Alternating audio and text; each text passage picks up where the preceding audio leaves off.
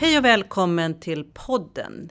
Idag är det fokus på USA och hur USAs ekonomi och marknaden kommer att utvecklas med Donald Trump som president.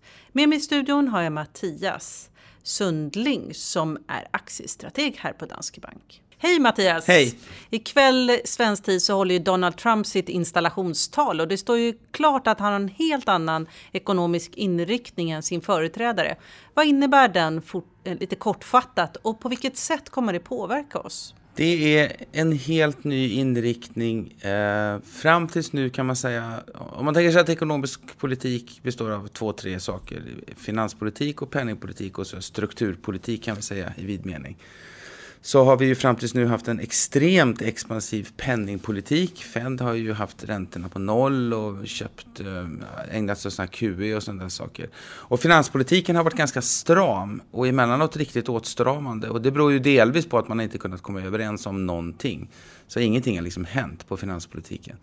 Och struktur så kan man väl säga att det har varit en våg av regleringar. Eh, inte bara av finanssektorn utan även utan övrigt näringsliv. Och nu får vi en president som byter i fot helt och hållet. Det kommer att bli en extremt expansiv finanspolitik. För han har ju då den politiska majoriteten att göra det. Så han ska sänka skatter, han ska höja utgifter. Det kommer att tvinga penningpolitiken att bli lite stramare. Alltså Fed kommer troligen att få höja räntan några fler gånger än vad vi kanske tror nu. Och sen ska man nog inte heller underskatta det som kan då vi kallar för strukturella reformer. Att han har ju sagt att han ska klippa så mycket regleringar han bara kan. Jag tror att det till och med gått ut ett påbud att man ska varje liksom, departement ska ta, ta, dra ner ett visst antal av, av, eh, sina, av sitt regelverk, en viss procentsats av sitt regelverk. Det sistnämnda är ganska stort. Det är, det är ganska mycket prat om det i USA, inte så mycket prat här. Att det har, varit väldigt, att det har blivit väldigt komplicerat att, att driva företag i USA. Ja, det är ju i och för sig ehm, väldigt mycket inhemsk politik. Men på vilket sätt ser du den här globala påverkan? Ja, den globala påverkan är ju att det här är, det här är en ekonomi som står för ungefär för en femtedel av världens BNP. Så att eh, om, om USA, jag tror ju att, det har vi pratat om tidigare här, jag tror att USA kanske, som i snitt har vuxit med 2% kan växa med 4, en eller två år. Och det får en väldigt stor global påverkan på den globala tillväxten och globala efterfrågan. För redan nu ser det ju väldigt ljust ut i USA och den amerikanska centralbanken Fed sa ju att man faktiskt håller på att nå sitt mål om full sysselsättning. Det är stabila priser och att inflationsmålet är i sikte. Ja. Hur kan det påverka marknaderna framöver? Ja, det där touchar ju då på en nyckelfråga här. Finns det överhuvudtaget plats för att göra en sån där stimulans? Jag menar, om många, många jämför då Trump med Reagan. Det gör jag också. Men när Reagan kom in, då var ju arbetslösheten 11 procent. Nu är arbetslösheten 4,5 procent. Så en av nyckelfrågorna för marknadens del är ju om, okay, om han trycker gasen i botten, finns det arbetskraft och lediga resurser? Jag tror att det gör det. Eh, men, men eh, därför att jag tror att man kan till exempel titta på det som kallas för deltagandegraden. Det är väldigt mycket människor som, är, som inte ens har orkat anmäla sig som arbetslösa i USA. Men som är i arbetsför ålder. Eh, och det finns också en hel del frågetecken kring det här med produktivitet och liknande. Så att jag tror eh, att det finns lediga resurser att göra det här.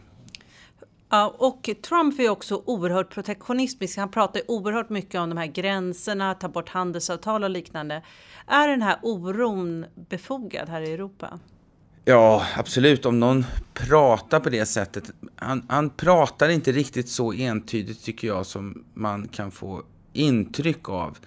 Eh, men det är också en jättekomplicerad fråga. Och jag ska säga det, för att jag har ju suttit här och sagt att jag är positiv och fortsätter att vara positiv. Och det tror jag beror på att det som är positivt och tillväxtinriktat med Trump i min bok, det kommer att gå att genomföra. Eh, det finns ett politiskt stöd för det, det finns till och med ekonomstöd för det. Och det kommer att gå att genomföra ganska snabbt. Det tråkiga och jobbiga med Trump, de här eh, handelspolitiska utspelen, det kommer att ta tid det kommer att dröja. Så det får vi se helt enkelt. Just nu så tror jag att den här tillväxtimpulsen överskuggar.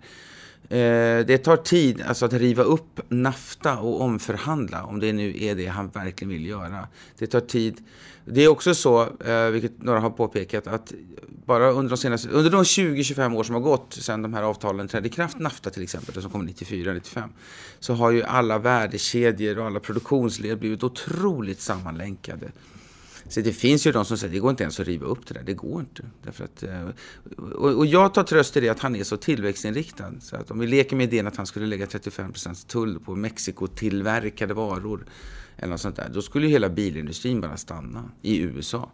Och det tror jag inte han vill. Han vill vara tillväxtkillen. Han vill vara jobbskaparen. Liksom. Så att jag, jag, men det är min positiva tolkning utav det. jag, tror att, jag tror att det kommer att vara mer snack än, än verkstad.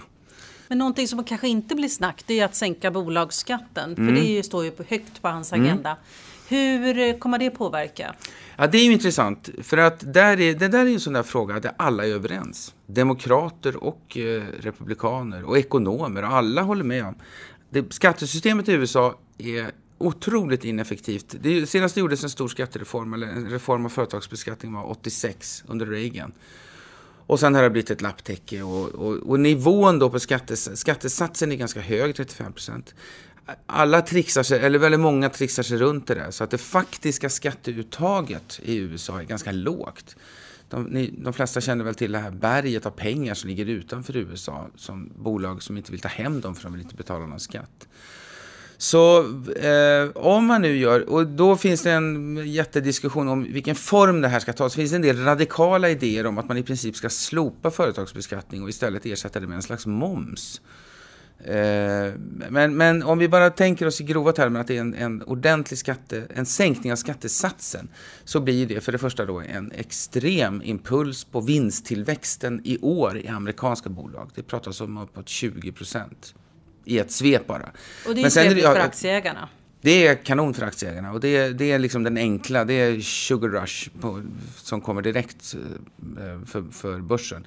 Men sen är det så att det är en massa utomamerikanska bolag som också har dotterbolag i USA som också kommer att betala lägre skatt. Och vi gjorde ju en, försökte ju titta på det där. Det är ju massor med nordiska bolag som kommer att få en EPS-tillväxt, alltså en vinst per aktie i år som, som ökar med 10 procentenheter bara utav det. Eh, jag tror vi kom fram till en medianeffekt på 6 procentenheter ungefär. Så att eh, där blir det också eh, en, en kraftigt positiv impuls för börsen. Men vi tittar och, och, och, sen, och, mig, och sen ska man då inte underskatta, det finns ju massa andra dynamiska effekter och det är naturligtvis det man egentligen är på jakt efter. Här. I det där ingår ju då också att man ska ge någon slags amnesti. Så företagen får ta hem pengarna, betala en engångsskatt på 10% Och så plötsligt kommer det väller in pengar i USA som, som bolagen kan använda. Det kan bli återköp, det kan bli investeringar. Så det kan ju sätta igång en dynamik som är ganska stark. Det låter i och för sig spännande. Ja. Om vi tittar på startups, för i USA så har man en väldigt stark startup community och vi har ju sett fantastiska bolag växa upp de senaste tio åren. Men man uppfattar lite att Trump är lite old school. Han jobb, pratar väldigt mycket om gamla industrier och liknande. Hur, hur ser du utvecklingen för de här startups? Ja, hans prat är ju lite sådär det är väl populistiskt i dålig mening. Det, eller det, det spelar på nostalgi och, och, idén om USA som ett stort, tillverk, stor tillverkningsland och sådär. Och det, det finns ju en naturlig process att ett land, när, när länder blir rikare så blir liksom tillverkningsindustrin allt, av allt mindre betydelse. Och servicesektorn ökar och sådär. Så det är ju en ganska meningslös övning egentligen det som man ägnar sig åt. Eh, det, eh, USA har en otroligt vital sån scen, absolut. Åker man till delar av USA, Kalifornien och sådär, så är det ju fortfarande så det slår gnister om det. På, på aggregerad nivå så är det dock lite mer bekymmersamt faktiskt. Eh, ny, mängden nystartade företag har, takten har gått ner ganska radikalt i USA. Det förs fram då och då som en förklaring till varför produktiviteten växer långsammare. Så man är inte helt nöjda i USA heller med det. Men återigen, då, då, då, tror jag nog att eh, även om man inte har sagt något specifikt om det, hela den här idén med en förändring utav företagsbeskattningen och mindre regleringar är nog, en av grundtankarna där är nog att man ska få igång nyföretagandet igen, eller få det att accelerera. Om man då avslutningsvis eh, tittar på aktiemarknaderna på lång och kort sikt, vad tror du där? På lång sikt har vi inte en aning faktiskt. Vi har inte en susning och det är lite grann själva grejen här. Det är så mycket frågetecken och så mycket osäkerhet. All osäkerhet är ju inte negativ. Det kan ju faktiskt vara så att det finns, en, det finns möjliga positiva utfall här. Utfall som kan överraska på uppsidan. Till exempel så kan det ju vara så att de här åtgärderna får en sån, eh, ska vi säga, det blir en sån kick för näringslivet. Att vi till exempel får igång eh, investeringscykeln, den privata investeringscykeln i USA. Som har varit jättesvag. Och lyssnar man på signaler just nu så eh, är optimismen faktiskt eh, växer väldigt, väldigt kraftigt i amerikanskt näringsliv. Det finns ett sånt här litet index för konfidens i småbolag i USA som är ännu mer domestikt liksom, bara kring. Och det har, det har gått rakt genom taket.